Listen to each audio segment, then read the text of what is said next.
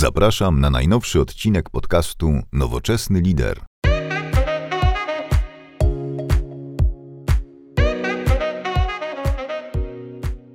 Dzień dobry, witam Was serdecznie w najnowszym podcaście Nowoczesny Lider w ramach nowej serii o nazwie Środy z Freenovation, w której poruszamy 12 predykcji na rok 2021 który pojawił się w raporcie, podsumowaniu, w opracowaniu o nazwie Renovation Prediction Book i moim i waszym gościem dzisiaj jest Piotr Prokopowicz, partner e, i co-founder e, firmy Freenovation. Dzień dobry, dzień dobry Piotrze. Cześć Sebastian, witam wszystkich. Fantastycznie. Piotrze, czy dobrym jest określenie twojej roli jako opiekuna merytorycznego tego raportu? Tak, wydaje mi się, że to jest e, adekwatne. E, no, staraliśmy się po prostu zapytać 12 ekspertów w różnych dziedzinach związanych z kluczowymi obszarami działalności organizacji, jak będzie wyglądał e, rok 2021 w oparciu o ich doświadczenia, rozmowy, w oparciu o e, to, co widzą w swoich firmach i organizacjach. No i kiedy napłynęły do nas ich opinie, co jakby moją rolą była koordynacja E, i jakby podsumowywanie tych wszystkich e, opinii, ale również wspieranie ich e, w tym, żeby składało się to wszystko na, na taką spójną całość. Super. I może byś powiedział nam, Piotrze, kilka słów o tym, skąd inspiracja przygotowania takiego opracowania?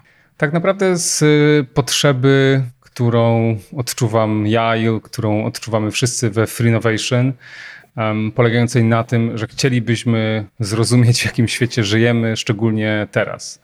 W świecie, który dałby się zdefiniować takimi e, dwoma słowami: po pierwsze, niepewność, e, po drugie, przyspieszenie.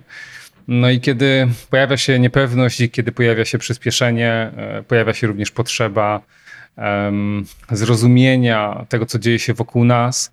No i oczywiście możemy czytać raporty na ten temat, możemy patrzeć na e, statystyki, możemy starać się w oparciu o własne doświadczenia i zrozumienie świata gdzieś e, identyfikować te trendy, ale możemy też e, spytać się ludzi, którzy na co dzień są zanurzeni w tej rzeczywistości, którzy są w, tych nur w nurcie tych trendów zanurzeni no i po prostu spytać się, e, jak to wygląda z waszej strony, jak wygląda to z waszej perspektywy. No i właśnie to zrobiliśmy, żeby lepiej zrozumieć e, rzeczywistość 2021 roku. Fantastycznie. I no, podkreślając tutaj mamy też kilka takich e, ciekawych firm, których są autorzy poszczególnych predykcji, jak na przykład Spotify, z którym też z osobami też pojawią się później podcasty, więc zachęcam oczywiście do czekania w środę na kolejne Mm, publikację.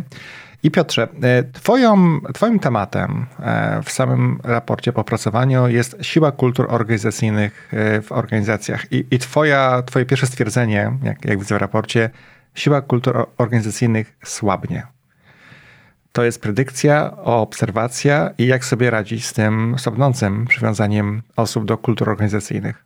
Wiesz zwróciłeś uwagę na w ogóle taki wybór formalny, e, którego dokonaliśmy pisząc ten raport, czyli na formułowanie predykcji w czasie teraźniejszym. E, I to była świadoma decyzja, e, ponieważ wynika to z tego, że przyszłość w 2021 jest już teraz i predykcje, pomimo że dotyczą tej najbliższej przyszłości, formułujemy jakby już się działy. Więc E, to, że siła kultur organizacyjnych słabnie, to jest coś, co e, ja widzę w tym momencie i coś, co przewiduję, że nasili się w roku 2021 jeszcze bardziej. I wynika to z wielu różnych rzeczy, ale tak naprawdę można byłoby powiedzieć, że najistotniejsze jest to, że sam fundament budowania kultury, um, opierający się na obserwowaniu zachowań innych, patrzeniu na to, jak zachowują się e, liderzy, uczeniu się wzorców, e, norm w oparciu o tego, co jest nagradzane, co karane w organizacji, ale też e, uczeniu się poprzez setki takich codziennych, małych interakcji ze współpracownikami. To wszystko zanika albo przynajmniej słabnie, w związku z czym siła kultur organizacyjnych no, nie ma innego wyjścia, musi słabnąć, jeśli nie zostanie to zaopiekowane w jakiś sposób przez bardzo świadome, intencjonalne działania liderów. A masz jakieś takie przykłady dobrych działań, dobrych praktyk, kiedy liderzy podejmują wyzwania, aby jednak przeciwdziałać tej degradacji przynależności do kultury organizacyjnej, czy w ogóle do organizacji, do zespołu. Tak, jest, jest bardzo dużo działań, e, które podejmują różne organizacje na, na całym świecie, z którymi e, rozmawiam i z którymi współpracuję. E, I, i tak naprawdę większość z nich sprowadza się do mm, świadomego przeniesienia spontanicznych interakcji w świat wirtualny. I, i tutaj mm, tak naprawdę Chodzi o to, żeby nadać strukturę takiej codzienności w świecie e, chaosu, której brakuje przez to, że ta struktura, którą normalnie kojarzymy z organizacjami, znikła. To znaczy nie wstajemy codziennie rano, nie, nie ubieramy się e, w formalne ciuchy, nie wychodzimy e, do pracy, nie zamykamy za sobą tego świata rodzinnego, żeby otworzyć się na świat pracy. Później nie mamy wyznaczonego rytmu związanego ze spotkaniami w biurze, z organizacją przestrzeni, nie widzimy zachowań innych, no gdyby więc te, te wszystkie rzeczy, które istnieją naturalnie poprzez zanurzenie w tym świecie organizacyjnym, e, świadomi liderzy odtwarzają e, w świecie e, wirtualnym. No i tutaj pierwsza taka, taka rzecz, którą na przykład jedna firma, jeden lider, z, którymi, z którym współpracuję, robi, no to y, organizacja takich regularnych, y, otwartych y, spotkań z zespołami, że na przykład zawsze o określonej porze, w piątek o godzinie 15, lider obecny jest na Zoomie, na takie powiedzmy jak to się mówi, happy, happy hour e, z, z pracownikami. E, I pracownicy też e, wtedy mogą sobie jakby zakupić jakiś napój, jakąś przekąskę. Jest to jak gdyby też przez, przez firmę sponsorowane. I w taki sposób zupełnie nieformalny mogą się spotkać i porozmawiać o tym, co spotkało ich przez ostatni tydzień. Jak gdyby, jakby jest ustrukturyzowane ten, ten niefo, formalnie nieformalne spotkanie z liderem i z zespołem, w którym mogą sobie porozmawiać o tym, co się e, dzieje na bieżąco. E, innymi takimi działaniami, które też często liderzy, którym się udaje w jakiś sposób utrzymywać siłę kultury, podejmują, no to są działania takie po prostu na bieżąco wspierające i coachujące pracowników. I to, to wynika tak naprawdę z sytuacji, E, w której znalazło się e, wielu pracowników, wielu z nas, mógłbym tak naprawdę powiedzieć, czyli takiego zagubienia, jeśli chodzi o um, odnalezienie się w tej nowej rzeczywistości. Um, jest taki jeden termin, który bardzo lubię, związany z tym właśnie paradoksem, budowania kultury, kiedy nie ma innych ludzi, bo z tym mamy tak naprawdę do czynienia. I to jest taki termin kultura um, jednej osoby, culture of e, one.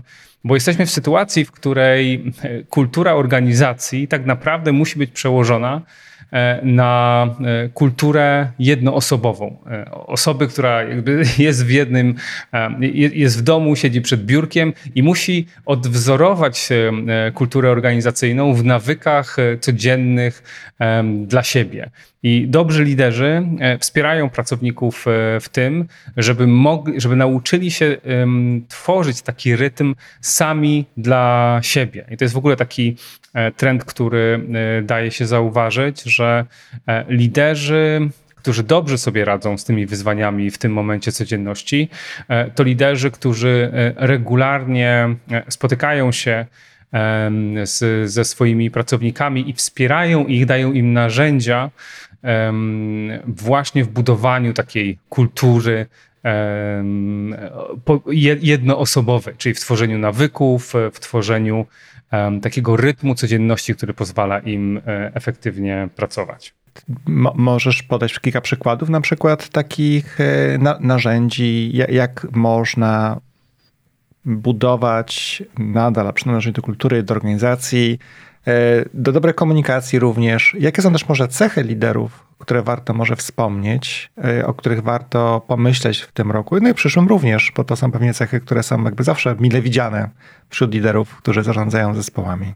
Wiesz co, zwróciłeś uwagę na e, bardzo ciekawy e, element tej dyskusji, um, czyli na, na, ile ten lider, który jest konieczny na rok 2021 i jego cechy lub jej są e, inne niż dotychczas, w sensie, że jeśli chodzi o konieczność posiadania ich do odniesienia sukcesu, a na ile e, mówimy o nowym modelu e, przywództwa.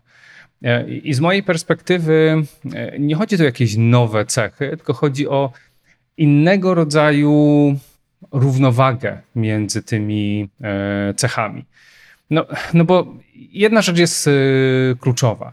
W tym momencie, kiedy praca przenosi się z biur do, do domu, no, nie ma mowy już o tym, żeby zmuszać ludzi do działania, żeby motywować ich e, po prostu przez patrzenie. To znaczy to takie polskie powiedzenie, że pańskie e, oko konia tuczy e, i w ogóle kontrola najwyższą formą zaufania. Wszystkie te rzeczy, które niby są żartobliwe, ale de facto przekładają się na rzeczywistość wielu organizacji, one po prostu tracą rację bytu.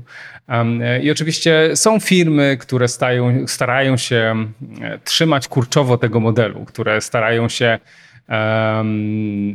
kontrolować ciągle pracowników, nawet w tej trudnej sytuacji dla, dla kontroli. Są przecież aplikacje, które robią regularnie na przykład zdjęcia pracownikom i przesyłają przełożonym, żeby tylko żeby przełożeni mogli widzieć, czy pracownicy pracują. Natomiast no, no to jest y, droga donikąd, ponieważ to jest trzymanie się modelu, który jest po prostu już nie do utrzymania w nowej rzeczywistości. Um, i, a w nowej rzeczywistości dobrze sobie radzą te firmy i te zespoły, które zbudowały sobie taki model pracy nie oparty na kontroli, nie oparty na monitoringu, ale oparty na rzeczywistym e, zaangażowaniu w realizowane zadania. I to jest tak naprawdę ta cecha liderów, które w rok, która w roku 2021 będzie szczególnie istotna, czyli e, umiejętność e, wytworzenia w pracownikach motywacji wewnętrznej do realizowanych e, działań. No, my często w badaniu przywództwa mówimy o takich dwóch równoległych modelach przywództwa. Jeden to jest model transakcyjny, w którym lider budzi motywację pracowników poprzez e, odpowiednie manipulowanie nagrodami i karami. Nie ma w tym nic złego. Umiejętność dobrego negocjowania e, warunków i kontraktu z, z pracownikiem, która jest częścią e, tego modelu transakcyjnego, jest bardzo istotna. Natomiast znacznie ważniejsze w sytuacji pracy zdalnej, gdzie E, trudne są codzienne interakcje, trudna jest obserwacja działań, działań czy kontrola. Ważniejszy jest ten model przywództwa transformacyjnego, gdzie buduje się zaangażowanie pracownika w zadania poprzez e, modelowanie e, działań, poprzez budowanie wzoru e, działań poprzez lidera, no i przez budowanie wizji, w którą pracownik chciałby się e, zaangażować. I oczywiście e, równowaga między tymi dwoma modelami jest bardzo istotna i tak naprawdę wszystkie badania pokazują, że dobry lider wie, jak być liderem transakcyjnym i liderem transformacyjnym jednocześnie. Jakiekolwiek zaburzenie tej równowagi jest niebezpieczne dla efektywności przywództwa. Natomiast w sytuacji pracy zdalnej, e, gdzie spotkania są rzadsze, gdzie trudniej um, obserwować działania pracownika i na bieżąco reagować na dobre lub złe zachowania, szczególnie istotnie, szczególnie istotny staje się ten model um, przywództwa e, transformacyjnego. Też będę podawałeś kiedyś na LinkedInie przykłady jednak e, starania, starań monitorowania się pracowników poprzez robienie zdjęcia tak przez kamerę co 5 minut, czy pracownik jest przy biurku, czy też nie. Tak, tak? Jakby są takie tak, tak, tak, tak, pomysły, które są naprawdę dla mnie e, no, niezrozumiałe, powiem szczerze, aczkolwiek pojawiają się cały czas w głowach niektórych liderów, czyli liderek. E, Piotrze, jeszcze pozwól, że zapytam Cię o takie Twoje obserwacje związane z. Mieliśmy takie ciekawe kiedyś w rozmowę przy dyskusjach o innowacjach, jakie struktury są bardziej innowacyjne niż, niż te, które są mniej innowacyjne. Chyba była rozmowa, rozmowa z Parpem, tak? Z tego co pamiętam. I tam mm. padło sformułowanie, że takie bardziej zarządzane autokratycznie, tak? Były bardziej innowacyjne, z tego co dobrze mm. pamiętam. Tak? Nie mylę tutaj czegoś? Wiesz, to, y, y, to nie do końca mhm. tak. E, nie chodziło o zarządzanie autokratyczne, chodziło o um, hierarchiczną kulturę organizacji. Okay. I to nie jest to samo, mhm. bo y, w tym sposobie badania kultury, który myśmy wtedy e, przyjęli, e, przyjęliśmy taki model, w którym e, kultura może być przyporządkowana do jednego z czterech takich podstawowych modeli. To jest, było oparte na modelu współzawodniczących wartości Camerona i Queena. E, I ten model e, biurokratyczny, hierarchiczny, to jest po prostu model kultury, w których e, jest wysoka integracja wewnętrzna działań, jasne rozróżnienie zadań. No i rzeczywiście wszystko jest w jakiś sposób regulowane. To, to jest jak gdyby kluczowe dla, dla tej kultury. Nie przekłada się to bezpośrednio na autokratyczny styl zarządzania. Chodzi raczej o to, że to są organizacje, e, w których e, wszystko, jest, wszystko ma swoje miejsce, wszystko jest opisane. Więc e, znacznie lepszym sposobem myślenia o tym nie jest model państwa autokratycznego, ale dobrze naoliwiona biurokracja dużych korporacji. Okay? Dobrze, dobrze. I ona oczywiście ma, i ona oczywiście ma swoje wady, ta, ta kultura stawia pewne bariery. E, natomiast to, co było w tym e, badaniu zaskakujące e, dla wielu, to jest właśnie to, że zazwyczaj myślimy o kulturach innowacyjnych jako o kulturach, które nie są właśnie dobrze regulowane, które nie mają wszystkiego dobrze opisanego, w których jest taki właśnie kreatywny chaos. I to zaskoczenie często wynika po prostu z niezrozumienia tego, co jest niezbędne do innowacji. E, innowacja to nie kreatywność. Nie? To nie jest tak, że organizacja właśnie taka mała, w której każdy pracownik e, ma tysiąc pomysłów na sekundę, że taka firma będzie najbardziej innowacyjna. No bo innowacja to jest kreatywność plus dowiezienie. I z tym dowiezieniem bardzo często te małe, niezorganizowane, chaotyczne firmy mają problem. I e, to jest to, co bardzo często udaje się e, firmom, które właśnie mają procesy e, poopisywane, które wiedzą, w jaki sposób realizować i dowozić projekty, które w końcu mają ścieżki zamiany pomysłów na konkretne wdrożenia.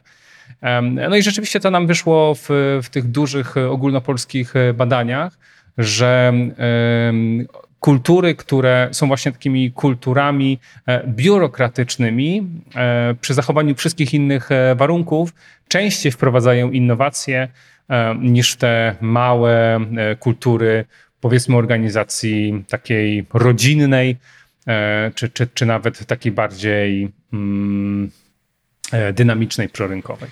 No i to dziękuję Ci bardzo za, e, za poprawienie mego błędu. E, natomiast chciałem Cię spytać o to, czy teraz w nowej rzeczywistości, e, w tych predykcjach, które też widzimy na 2021, czy, czy Ty spodziewasz, przewidujesz, możesz się domyślić, iż innowacja będzie jednak cierpieć w tym nowym zupełnie środowisku pracy? I na ile te, te, te, te nowe warunki wpłyną na to, że trochę Ziemia jednak stanie jeśli chodzi o postęp, postęp w swoich pracach nad różnymi nowymi pomysłami. Zajrzyj koniecznie na blog nowoczesnylider.pl, gdzie znajdują się dodatkowe materiały dotyczące tego podcastu. Wiesz co, to jest e, świetne pytanie, fundamentalne, na które mogę spróbować odpowiedzieć, ale postaram się odpowiedzieć tak uczciwie, jak tylko mogę, identyfikując źródła wiedzy, które mam na ten temat. Bo jednym z podstawowych problemów w ogóle predykcji, w ogóle przewidywań, nawet w takim krótkoterminowym, w takim mm, na, na najbliższy rok, jest to, że wszyscy troszeczkę się poruszamy po omacku i próba ekstrapolowania trendów z 2020 na 2021 jest po prostu bardzo trudna. Um, to taki disclaimer na początek. Um, I przechodząc już do, bezpośrednio do odpowiedzi, um, to jest bardzo istotne pytanie, e, bo e, ono w jakiś sposób stawia pod znakiem zapytania ten taki hurra optymistyczny sposób patrzenia na wyniki efektywności z 2020 roku, bo na pewno widziałeś to już wielokrotnie te takie entuzjastyczne teksty, które mówią o tym, że pomimo tego, że wszyscy oczekiwali, że efektywność pracy zdalnej spadnie, efektywność albo pozostała na tym samym poziomie, albo wzrosła. I to jest prawda i rzeczywiście to widzimy zarówno w takich raportach biznesowych, czyli kiedy firmy decydują się podzielić swoimi wynikami badań efektywności pracowników, czy w takich już dobrych e, e, badaniach efektywności prowadzonych przez naukowców na dużych próbach, że rzeczywiście ta efektywność albo się utrzymuje, albo nawet wzrasta przy pracy zdalnej. Ale istnieje z tym kilka problemów. Po pierwsze, jak mierzona jest ta e, efektywność i ona najczęściej jest e, mierzona poprzez opinie menedżerów na temat efektywności pracowników albo przez jakieś obiektywne wskaźniki efektywności, które przyjmuje sobie dana e, organizacja, które najczęściej są takimi wskaźnikami albo finansowymi, albo wskaźnikami, nie wiem, liczby realizacji tiketów, które przyjmuje sobie zespół. Nieważne. W każdym razie są to takie łatwe do zmierzenia wskaźniki efektywności, które nie do końca łapią e, to, czym e, efektywność współczesnej organizacji jest. I tutaj dochodzimy do klucz Twojego pytania, czyli co będzie się działo z innowacyjnością. Prawda jest taka, że nikt nie wie, możemy tylko spekulować. I ja mam jakby dwa źródła e, odpowiedzi na to pytanie. Po pierwsze, rozmowy e, z ludźmi, którzy zajmują się innowacją w dużych międzynarodowych firmach. I pamiętam, rozmawiałem e, z jednym z wysoko postawionych menedżerów do spraw innowacji w 3M i zadałem mu to pytanie, prostu miałem możliwość z nim porozmawiać i spytałem się, hej, innowacje 2021, jak to w ogóle będzie wyglądało? Czy nie możemy oczekiwać tego, że innowacje spadną? No bo tutaj znowu taka e, szybka nota. E, ja jako badacz innowacji spodziewam się, że innowacje długofalowo spadną, no bo przyjmuję, że innowacje, żeby tworzyły się, potrzebują tego, co e, Amerykanie nazywają serendipity, tej takiej przypadkowego, fortunnego zbiegu okoliczności, które najczęściej powstaje w wyniku regularnych interakcji przypadkowych osób. To dlatego e, kampus e, jest zaprojektowany w ten sposób, to dlatego biuro Pixara zbudowane jest w ten sposób, żeby różni artyści inżynierowie często ze sobą wchodzili w interakcję, ponieważ w założenie jest takie, że dzięki temu będą tworzyły się innowacyjne pomysły. Teraz nie mamy już takich możliwości, no więc pytanie, jak będą wyglądały innowacje? E, no i ten menadżer z Trzem powiedział mi, że Szczerze mówiąc, nie widzi czegoś takiego u siebie, żeby innowacje spadły, szczególnie jeśli chodzi o tworzenie oprogramowania, tworzenie takich rozwiązań, co, co do których wystarczą te interakcje e, wirtualne. Jeśli po prostu e, grupa deweloperów, e, która już wcześniej miała doświadczenie w pracy E, zdalnej, pracuje teraz w takiej sytuacji znowu, tak jakby nie widzi, nie widzi spadku e, innowacyjności w tym e, obszarze, nazwijmy to software'owym. Natomiast to, co on widzi i czym się ze mną podzielił, to spadek innowacyjności w tym obszarze takich produktów fizycznych, że e, nie ma już takiej możliwości, żeby ludzie po prostu spotkali się razem, podotykali e, produkty, które tworzą, spotkali się na warsztatach, zostali zamknięci w jednym pokoju e, i magia tych interakcji, takich bezpośrednio z fizycznością, no, no, została gdzieś przystopowana. I on mówi, że, że widzi to, więc z jednej strony jest to taka interpretacja optymistyczna, że jeśli innowacje są wirtualne, to w świecie wirtualnym nie da się zauważyć jakichś takich ograniczeń e, w, w innowacyjności w, dzisiaj.